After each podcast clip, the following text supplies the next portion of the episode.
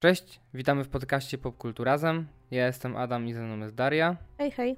I dzisiaj będziemy rozmawiać o najnowszym filmie, który jest dostępny na Disney Plus pod tytułem Wilkołak nocą. Czy też Werewolf by Night, bo wydaje mi się, że większość zna właśnie ten tytuł. Ja w ogóle jestem zdziwiony, że on wyszedł tak szybko. Ja się spodziewałem, że jego premiera jest zaplanowana dziś bliżej Halloween. Podobnie jak ten Hellraiser, co teraz wyszedł, musimy nadrobić. Znaczy, no w przypadku będzie troszkę problem, bo nie wiadomo, gdzie on wyjdzie. Ale jak gdzieś wyjdzie, no to pewnie porozmawiamy o tym tu. Ale najpierw też musimy nadrobić pierwszą część. Ale no wracając. Um, Werewolf by Night to jest w ogóle bardzo ciekawa sprawa, dlatego że to jest y, pierwszy taki film, który jest y, nowym formatem wprowadzonym gdzieś tam troszkę na uboczu uniwersum Marvela. Czyli to jest taki film, który jest swoją odrębną historią, ma swoją odrębną stylistykę, która odbiega mocno od tego, co znamy w uniwersum. E, jest to film, który jest krótszy, on trwa niecałą godzinę, tam około 50 minut. E, no i trafia prosto na Disney Plus. Nie ma w ogóle premiery kinowej. No i jak już się dowiedzieliśmy mm, ostatnimi czasy, Kevin Feige zapowiedział, że tego typu eksperymentów będzie więcej. Znaczy, ja się zastanawiam w sumie, czy ten Holiday Special Strażników Galaktyki to też ma być to, to Special Presentation. Wydaje mi się, że tak, ale generalnie ma być tego więcej y, i w sumie biorąc pod uwagę, że już na przykład pewien serial okazało się, że będzie filmem, to może się okaże, że jakiś serial będzie na przykład Special Presentation ostatecznie, więc Zobaczymy, jak to wyjdzie. Czy może nauczą się w końcu trochę rozdzielać seriale, filmy i takie specjale, bo ja mam wrażenie, że nie każda postać nadaje się na taki pełnoprawny serial. Mogę się mylić, a tak mi się wydaje, że na przykład tak jak Armor Wars trochę zmienili z serialu na film, no bo zakładam, że tam budżet mógł nie pozwolić na to, żeby zrobić takie fajne rzeczy ze zbrojami.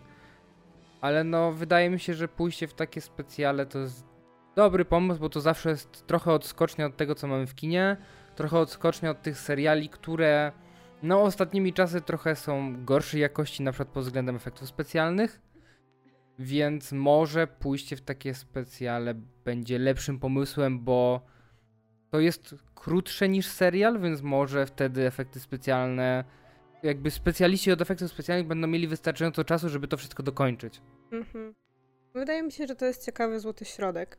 I ja widziałam na Twitterze gdzieś sugestię, nie wiem kto jest jej autorem, e, ale ktoś właśnie sugerował, że w sumie można byłoby serial o Agacie zmienić na właśnie taki special.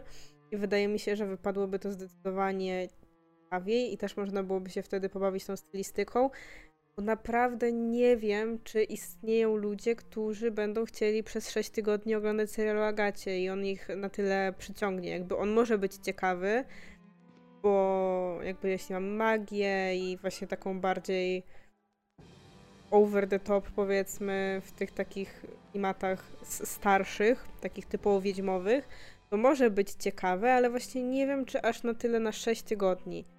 Bo to nie jest jakaś postać, która jest super ważna i czy ona przyciągnie ludzi, więc wydaje mi się, że to też mógł być dobry pomysł, to była bardzo ciekawa sugestia. Ja e, chętnie zobaczę, co tam wymyślą dalej. Zwłaszcza, że spoiler, ten, ta pierwsza próba, czyli Werewolf by Night, moim zdaniem wyszedł super. No to jest w ogóle ciekawe, bo gdyby nie na początku napis Marvel Studio, to można to traktować jako osobne dzieło, bo tak naprawdę z Marvelem ma niewiele wspólnego. No tak, to prawda. Jakby myślę, że mógłbym to puścić, nie wiem, mojej mamie czy tacie i też by mi się spodobało, no bo nie trzeba nic więcej znać. No tak, to prawda. Tak, ciekawe jest w ogóle to, że to jest rzeczywiście zrobione na podstawie komiksowej postaci, która zadebiutowała w 72, więc to jest bardzo stary komiks, ale co ciekawe, to nie jest tak, że ta postać nie powracała. Ja sobie poczytałem, i ostatnia seria wyszła w 2020 roku. Tyle, że to jest nowa wersja tej postaci. Tak, ja wiem, ja widziałem tą nową wersję, tak, to prawda. A ten jest wzorowany na tej pierwszej wersji, dlatego że w nowej wersji e, ta postać ma, nazywa się inaczej, a tu jakby pada nam wprost imię i e, tam on jest rdzennym. Tak, to prawda. Mhm. No, to, to tyle wiem. tak, tyle wiem. Tak, ale chodzi mi o to, że to nie jest jakaś, wiesz, postać gdzieś, nie wiem, wyciągnięta z czeluści e, Marvel, Marvel Comics, bo ta seria miała prawie 50 zeszytów, ta stara, stara. To znaczy ja Werewolf by Night słyszałam pierwszy raz w kontekście Moon Knighta, dlatego że zanim serial Moon Knighta wyszedł, to pojawiały się plotki, że Werewolf by Night miałby się tam pojawić i że miałby być e, przeciwnikiem Moon Knighta. Więc już wtedy się troszeczkę o tym mówiło.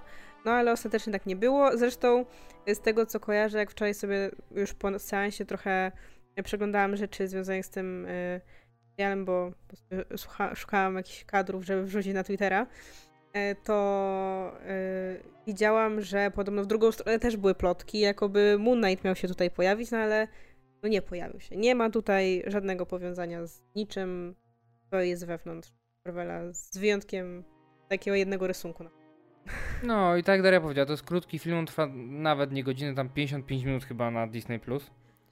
I dobrze, w sensie ja uważam, że dobrze, bo rzeczywiście cały czas coś się dzieje w tym filmie. Nie ma takiego momentu przestoju, cały czas, znaczy, może nie, że cały czas jest akcja, ale nie czułem czegoś takiego, że nic się nie dzieje, że jest takie, wiesz, znużenie materiału i nie czułem też, że się dłuży, no bo tak naprawdę trwa nawet nie godzinę, więc bardzo szybko zleciało. I co ciekawe, film jest stylizowany na te stare, czarno-białe filmy, te takie z potworów uniwersalna, o których mówiliśmy u nas na podcaście, bo to jest jeden z naszych pierwszych podcastów, chyba drugi albo trzeci? Tak, to jest jeden z pierwszych odcinków. Znaczy wiadomo, że to nie jest na pewno inspirowane samym Uniwersalem tylko, ale ogólnie takim klasycznym horrorem z lat 30. No i te, tamte filmy też były dość krótkie. One miały maksymalnie półtorej godziny, więc to nadal pasuje. I znaczy, to nie jest tak, że on jest idealnie na to stylizowany. Bo ja szczerze liczałam, że będzie troszkę bardziej i liczałam na to, że gra aktorska będzie bardziej teatralna. E, tak jak właśnie w tamtych filmach. Niestety nie była. E, była mocno współczesna pod tym względem. I ogólnie jeśli chodzi o jakby stylizację postaci, to one były bardzo takie na granicy czasów, powiedziałabym. Jak się patrzy na ten film, trudno jest powiedzieć, w jakim momencie historii akcja się dzieje. Ja miałem właśnie takie skojarzenie, jak patrzyłem na te postacie, że oni mają takie skórzane kurtki, jakieś takie skórzane spodnie, jakieś takie dziwne płaszcze. Bardzo skojarzenie z e, nasza bandera znaczy śmierć, że tam też na przykład Czarnobrody był tak ubrany dość współcześnie, ale no to jest w czasach pirackich, więc no to jest rzeczywiście, masz rację, że to jest takie, nie wiadomo kiedy to się dzieje, czy to jest, może być równie dobrze współczesność. To znaczy, biorąc pod uwagę, bo był ten moment jeden, gdzie pojawiają nam się groby. I tam był, e, była data śmierci jednej osoby, o której się wspomina, że jest ciotką e, bohaterki. I ja wtedy popatrzyłam, kiedy ona tam umarła, i się zastanawiałam, jakby ile, nawet jeśli ta mm, osoba by umarła, zanim ta nasza bohaterka się urodziła, to jakie to by były lata? No i wychodzi mi, że to nie mogłyby być nasze czasy współczesne, bardziej jakieś lata, nie wiem, 50., 60. maksymalnie, czyli nadal to jest e, niewspółczesne dla nas, aczkolwiek właśnie wygląda jak taka mieszanka, w sensie cała scenografia moim zdaniem jest bardzo w stylu tych y, filmów Universala z potworami. Tak, dla mnie też ta cała mm, e, cała scenografia była taka mocno, nie wiem jak nazwać, kartonowa, w sensie widać było, że, tak, tak, widać było, że to nie są prawdziwe budynki, tylko bardziej makiety, nie? Może tak. Tak, y, no można też to na przykład porównać do w ubiegłym roku do Oscara był nominowany ten film, był nie był Hamlet, tylko to był Macbeth. Macbeth. Macbeth. I on też był właśnie stylizowany na czarno-białe stare filmy i tam też była taka bardzo surowa, teatralna, teatralne tło. I tutaj jest bardzo podobnie i ono wygląda No nie, no nie, no tutaj jest o wiele lepiej niż tam, no proszę Ale tam cię. było bardziej surowo, no tak. ale pod względem scenografii tamten film był super. On był super, bo też bardzo dobrze oddawał czasy, którym się inspirował. Ja wiem, że on się tobie nie podobał. E, ale no tutaj wiadomo, że więcej się dzieje w tym tle, nadal. Jest surowo, ale trochę więcej się dzieje. Są te wszystkie łby potworów, wyglądają super. E, no właśnie, ale gra aktorska jest współczesna. No i stroje niektórych bohaterów też. Mimo tego, że innych niekoniecznie. I ogólnie, jeśli chodzi o casting, to moim zdaniem, tak właśnie też wizualnie, on wypada bardzo fajnie, bo na przykład jak się patrzy na aktorkę, która gra macochę tej bohaterki, która się pojawia, tej Elsy, albo na tą jedną z tych yy, nie wojowniczek, tylko jedną z tych myśliwych potworów? łowczyń. One mają taką bardzo, taką bardzo charakterystyczną urodę, która właśnie też jest tak poza czasem, żeby pasowała właśnie do y, tych starych filmów i bardzo ciekawie to wygląda. Ogólnie no, nasz główny y, bohater, y, którego gra Gael Garcia Bernal też wygląda super i ma ten taki fajny swój make-up, który on jest bardzo subtelny w, w tej czerni i bieli, nie widać go jakoś bardzo, ale też wygląda bardzo ładnie. No i y, mamy Elsę, czyli tak, no można powiedzieć, że y, bohaterkę zaraz za tym naszym y, Jackiem Russellem, która jest druga powiedzmy w kolejności ważności. Y, I ona też wygląda bardzo fajnie, chociaż ona właśnie wygląda najbardziej współcześnie. Ona wygląda praktycznie jak Jessica Jones, powiedziałabym. Tak, to, to ciekawe co do niej. Ja tutaj poczytałem sobie trochę o tej aktorce i się dowiedziałem, że wydaje mi się, że my narzekaliśmy w tym filmie na to, że sceny walk są pocięte, nie? Mhm. A wiesz co jest najlepsze? Ja doczytałem, że ona ogólnie zajmuje się jakimś tam. Jakby, że ona jest bardzo sprawna fizycznie, powiedzmy, tak? Że ona podobno. Że ona w tym filmie od, od sceny swoje odgrywała bez dublerki. Okej. Więc tym bardziej to jest dla mnie ciekawe, czemu postawili na coś takiego, skoro nie trzeba było, powiedzmy, chyba że trzeba było ciąć dla drugich postaci, tak? Ale my, wydaje mi się, że to też może być kwestia stylistyki. Bo jednak w tych starych filmach dużo było ukryte, dużo było w formie takich niedopowiedzeń, więc może to też o to chodzi. No dobra, ale generalnie tak jeszcze, żeby powiedzieć y, trzy słowa o fabule, to ona jest bardzo prosta. Y, Mamy, tak jak w sumie było w zwiastunie, mm, mamy sytuację, w której umiera człowiek, który był bardzo znanym łowcą potworów y, i dzierżył taki klejnot, który mu w tym pozwalał, pomagał. I po jego śmierci odbywa się taki jakby turniej innych łowców potworów i ten, kto go wygra i pokona potwora, ten ma przejąć ten klejnot. No i na, tam pojawiają się różni znani łowcy, no i Jack Russell, czyli y, nasz Werewolf by Night, który nie jest tym potworem, na którego się poluje. No właśnie, to jest ciekawe. Ja myślałem, że powiemy o tym trochę bardziej w takiej sekcji spoilerowej, trochę później. Bo nie wiem, czy można o tym mówić, czy jakby to jest taka oczywista oczywistość, że to on jest tym. Tak. Jest to oczywiste według zwiastunu, bo ja nie widziałem zwiastunów za bardzo, nie pamiętam ich. No tak, no jakby widać od razu, że on jest tutaj głównym bohaterem. Film nazywa się Werewolf by Night i w pewnym momencie pojawia się wilkołak. Nie, no bo ja miałem przez chwilę takie, taką nutkę niepewności podczas tego filmu, że Mhm. może to i na niego, no jakby, że jakby ci łowcy potworu będą polować na tego wilkołaka. I, ale tylko przez chwilę miałem taką Mhm. nutkę niepewności, że to byłoby ciekawe. Mhm. Ale a propos może efektów specjalnych, bo Mhm. jest tutaj bardzo dużo efektów praktycznych. Praktycznie chyba wszystko jest tutaj efektem praktycznym. No nie. No praktycznie wszystko. No, Oprócz, oprócz jednej rzeczy, tak? Tak. Jakby oprócz jednego potwora, który jest w CGI, chociaż trzeba przyznać, że przez tą stylistykę czarno-białą nie wygląda on źle. Jakby widać, że jest, że nie ma go tam na planie, ale Mhm. nie wygląda źle. No nie. E, zwłaszcza, no dodatkowo są dodane różne efekty, jak nie wiem, tam pioruny, jakieś takie rzeczy, ale one to też jest żywcem wyrwane z tych starych filmów, jak nie wiem, ktoś tam ogląda, jak się ożywia Frankensteina, no to jest właśnie w ten sam sposób wygląda. To jest y, kiczowate i to jest sztuczne, ale jakby wiemy, że tak miało być.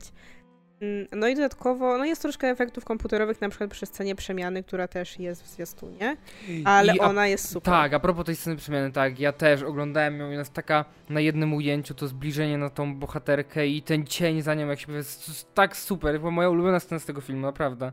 No. No ale bardzo dobrze, że na przykład on, jako wilkołak, jest zrobiony jako praktyczny efekt. To się Daria śmiała, że wygląda jak człowiek małpa. Ale to przez to, nie przez to jak wygląda, tylko przez to jak się porusza. Y, On tak się poruszał, że wygląda dla mnie bardziej jak małpa. Czy brakowało mi jakiegoś takiego pyska wyciągniętego do przodu może, bo on Ale on właściwie twarz. też wygląda jak wilkołak od Universala. Bardzo podobnie. On nie miał jakiegoś bardzo długiego pyska. No dobra, ale to powiedzmy, bo już gadamy o szczegółach. Jak ci się podobało tak ogólnie? Bardzo mi się podobało, jakby ja, może tak, mi się podobało, bo ja jestem fanem, może nie fanem, ale bardzo mi się podobają te stare filmy uniwersalne z tymi potworami. Ogólnie bardzo lubię horrory czy slashery, więc no to jest moja stylistyka. Jest dobrze, w sensie, czy to jest film, który będę oglądał w kółko? Pewnie nie. Ale uważam, że fajnie, że coś takiego powstało. Fajnie, że ten reżyser, który nie jest reżyserem, bo to jest chyba jego debiut, tak on jest ogólnie kompozytorem, miał szansę zrobić coś.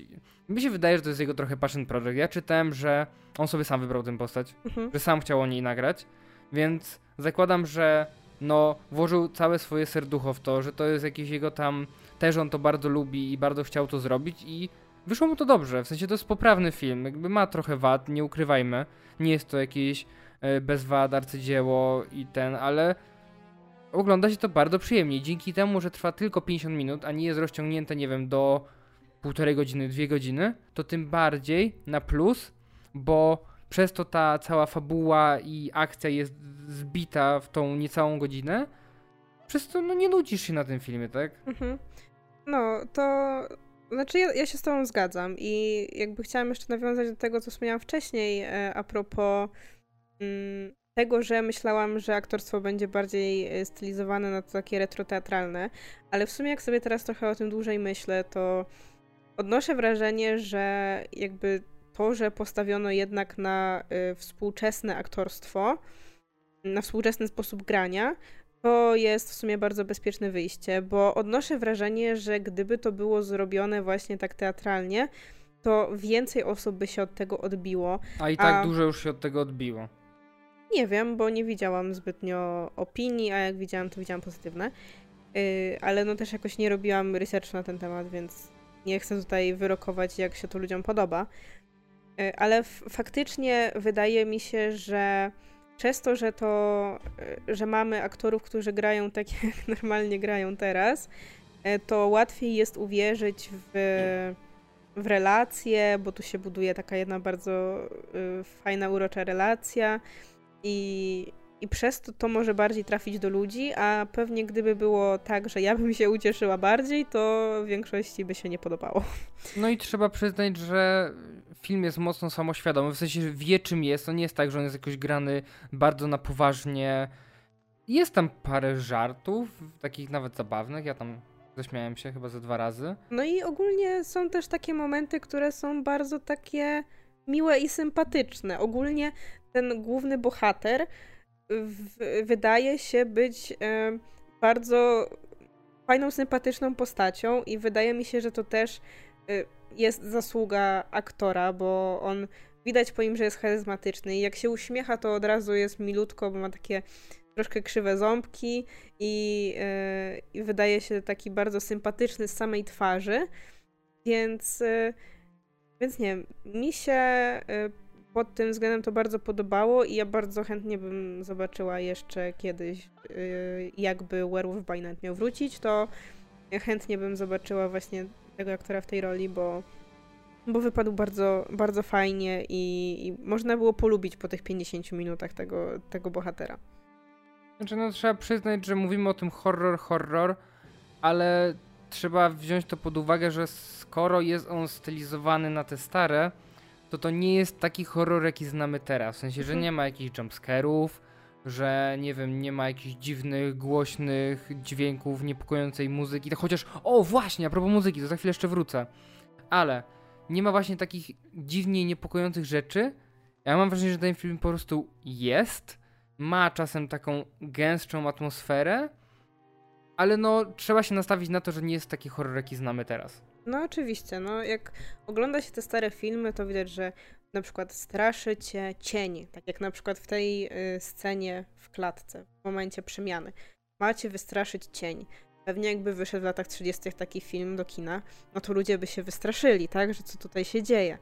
Mamy tego drugiego potwora, który ma moc i jest w stanie człowieka spalić właściwie, więc tam się takie rzeczy dzieją na przykład. E, I dzieje normalnie, chociaż w Miss Marvel też były, ale tu wygląda to mniej okropnie. E, są te takie momenty, gdzie na przykład nasz koła kogoś złapie i tak nagle szarpnie i jest wtedy zbliżenie na twarz i ta twarz jest przestraszona i to też już ma być e, coś, co macie wystraszyć. Jakby masz przejąć strach od tego bohatera, bo widzisz, że mam bardzo przestraszone oczy czy coś takiego. No i jest w sumie jedna dłuższa scena akcji, która jest też moim zdaniem super. To jest ta scena, kiedy wilkołak walczy ze strażami i zamykają się drzwi, więc cały czas ucieka trochę światło. I ona też jest super i jest dłuższa i wypada bardzo super, dlatego że tam może i były jakieś cięcia czy coś takiego, ale one y, pewnie były w momentach, kiedy wilkołak jakby wychodzi z kadru, bo kamera się nie rusza. I dodatkowo dochodzi do tego to, że cały czas ta nasza kamera się brudzi krwią i jakby raz chlapnie, potem drugi raz chlapnie i to zostaje. I to jest super nakręcone. Tak, rzeczywiście. Teraz jak powiedziałeś, to sobie przypomniał. Rzeczywiście ta scena też była bardzo fajna, no. Tak, więc to, to i scena przemiany to jest top. I zakończenie. Ale to dlatego, że zakończenie jest sympatyczne. Więc no, pod tym względem byłam naprawdę zachwycona. Jak widziałam te dwie sceny, to miałam takie wow, ale to było super. I chciałabym więcej tego typu rzeczy. No tak, widać, że reżyser ma oko do fajnych kadrów i właśnie, a propos reżysera, to to ogólnie jest kompozytor muzyki.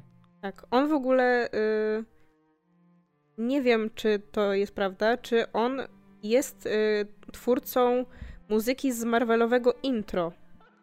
I on okay. teraz stworzył piękny remix swojego intro, które jest też dostosowane do tego filmu i też jest bardzo fajne. Tak, właśnie, właśnie chciałem o tym powiedzieć, że y, widać tutaj e, rękę dobrego kompozytora, bo jest dużo takiej właśnie fajnej, takiej muzyki stylizowanej na, tą, na właśnie te stare filmy, takiej trochę smyczkowej, tak bardzo fajnie to wszystko współgrało, mhm. jakby muzyka tutaj też bardzo podbija dużo scen i właśnie w tej scenie przemiany też jest wow, jestem naprawdę pod wrażeniem.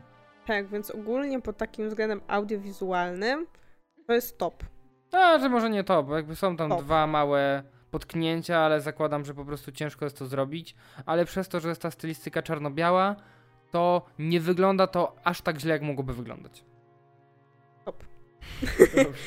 no, pod względem fabuły jest to proste. Jakby nie ma tutaj co ukrywać, ale no z drugiej strony znów, jak popatrzymy na stare horrory, one również są bardzo proste. To są historie, które jesteśmy w stanie opowiedzieć w 10 minut. Albo myślę, że nawet w mniej. 10 minut to jest prawie połowa filmu.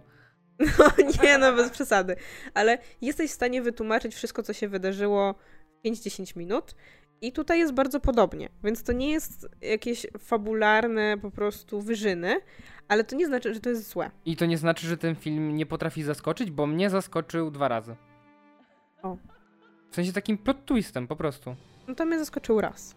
Znaczy mnie w sumie po tym, co mi powiedziałaś, to też pewnie raz, ale, ale no ogólnie zaskoczył mnie dwa razy. Jak nie oglądaliście zwiastuna, to zaskoczy was raz. Dwa razy. Raz. A nie, jak nie oglądaliście to dwa razy, no. jak oglądaliście to raz. Dobra, sorry. Dokładnie tak. No to mów, jak macie Disney Plus, to uważam, że warto obejrzeć.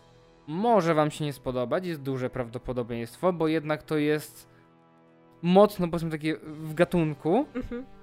Ale uważam, że warto się zapoznać z tym. Tak, tak nawet z ciekawości, nie? A jak wam się spodoba, to warto wrócić do tych starych uniwersali, bo one też są spoko. I obejrzeć Frankensteina. Przede wszystkim. E, I narzeczoną Frankensteina. E, jeszcze coś chciałam powiedzieć. A właśnie, e, ciekawa rzecz jest też taka, że ten e, film na Disney Plus ma kategorię 16.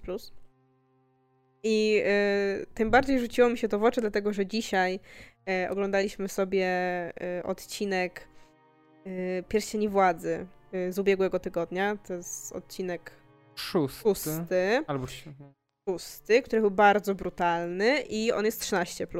Natomiast tutaj mamy 16. E, I no, ja rozumiem, że zapewne wynika to wyłącznie ze specyfiki tego, jaką platformą jest Disney Dlatego, że no, to nie jest jakieś bardzo brutalne. E, I no, mogłoby to przejść pewnie jako 13, zwłaszcza biorąc pod uwagę, że jest czarno-biały, więc krew nie jest czerwona. Mm. Ale trzeba też przyznać, że jest tutaj przemoc, bo mamy tutaj polowanie i ci e, łowcy mogą walczyć też ze sobą. Więc pojawiają się tutaj e, brutalne rzeczy i ludzie tutaj umierają i kończyny są odcinane i różne rzeczy się dzieją. Więc nadal, jak na Marvela, to jest dużo przemocy wizualnej, widzianej e, i nieukrytej gdzieś e, tam za kadrem. Więc nadal, no mówię, jak na Marvela to dużo. To co? Spoilery? Znaczy, no ja tam chcę powiedzieć o dwóch, trzech rzeczach góra. No ale tak, jak nie oglądaliście, to możecie teraz wyłączyć i obejrzeć i za te 50, 50 minut wrócić tutaj do, dosłuchać sobie do końca, bo to będzie jakieś chwila, moment. Mhm. E, a propos tych plot twistów powiem na początku. No. Pierwszym plot twistem dla mnie było to, co ci mówiłem, że pierwszą myśl miałem w głowie taką po tej scenie narady. Mhm. Jak oni mówią, że no, będziecie polować na potwora, to przez chwilę, przez myśl mi przeszło to, że może będą polować na tego wilkołaka. Ale no, jakby... To ja miałam inną myśl. Ale daj mi dokończyć, bo to jest jakby ciąg myśli. W sensie no, dalej. Przepraszam. I co mnie zaskoczyło w tym wszystkim, to to, że ten nasz główny bohater nie jest łowcą, tylko z potworem sam w sobie.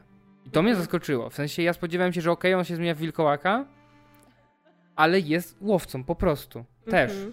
Ale okazuje się, że nie, że oni go biorą za potwora normalnie jak tego Menfinga, który jest, nie? Mhm. I to było dla mnie takie wow, w sensie nie spodziewałem się tego. Mhm. I właśnie drugi. Czy chcesz do tego coś powiedzieć? Chcę do tego. E, dlatego, że ja myślałam o czymś innym. E, dlatego, że w sumie jakby sam zwiastun jakoś tak bardzo, no wiadomo, nie wytłumaczył, bo nie od tego jest zwiastun, żeby ci tłumaczyć, o czym jest film, e, e o czym fabuła. E, czyli jakby on tam mniej więcej nakreślał, że będzie jakieś spotkanie, gdzie są łowcy, e, ale ja myślałam, że po prostu on się pojawi na spotkaniu tych łowców i że nie będzie ono polegało na tym, że będzie polowanie, tak? Tylko, że po prostu będzie jakieś spotkanie łowców, on się na nim pojawi i przypadkiem się ujawni. Aha, ja myślałem, że to, że to jest w tył wierzą przy tam incognito, żeby gdzieś tam, wiesz, usłyszeć... No, że właśnie przyszedł incognito i coś tam, coś tam, a przypadkiem się wyda.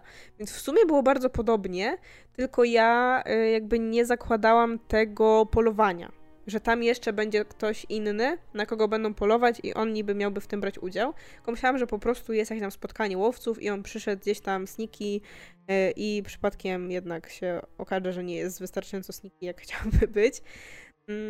Yy, no, a tutaj się właśnie okazuje, że mamy Menfinga, czyli jakby jeszcze jedną postać, która była ukryta, znaczy ukryta. Jego ręka pojawia się w zwiastunie, tak?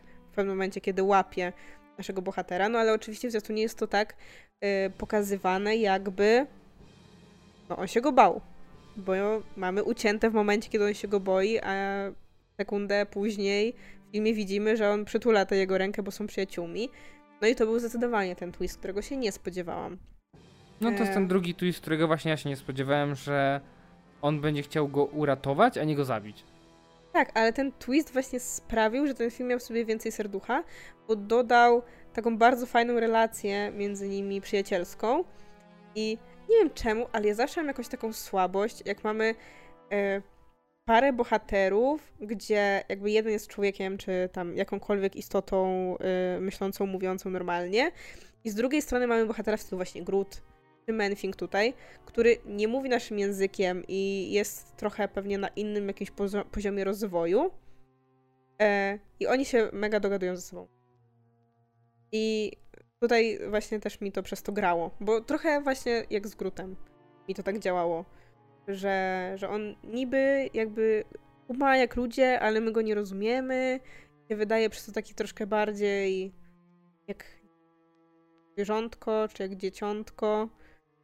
E, ale ogólnie ta relacja jest bardzo, bardzo fajna. I sam fakt, że, znaczy w ogóle, przepraszam, ani razu nie pada słowo Menfing w tym filmie, bo on ma imię i mamy mówić mu po imieniu, czyli Ted. I to też jest słodkie w sumie, że widzisz takiego potwora bagienniaka i ma na imię Ted.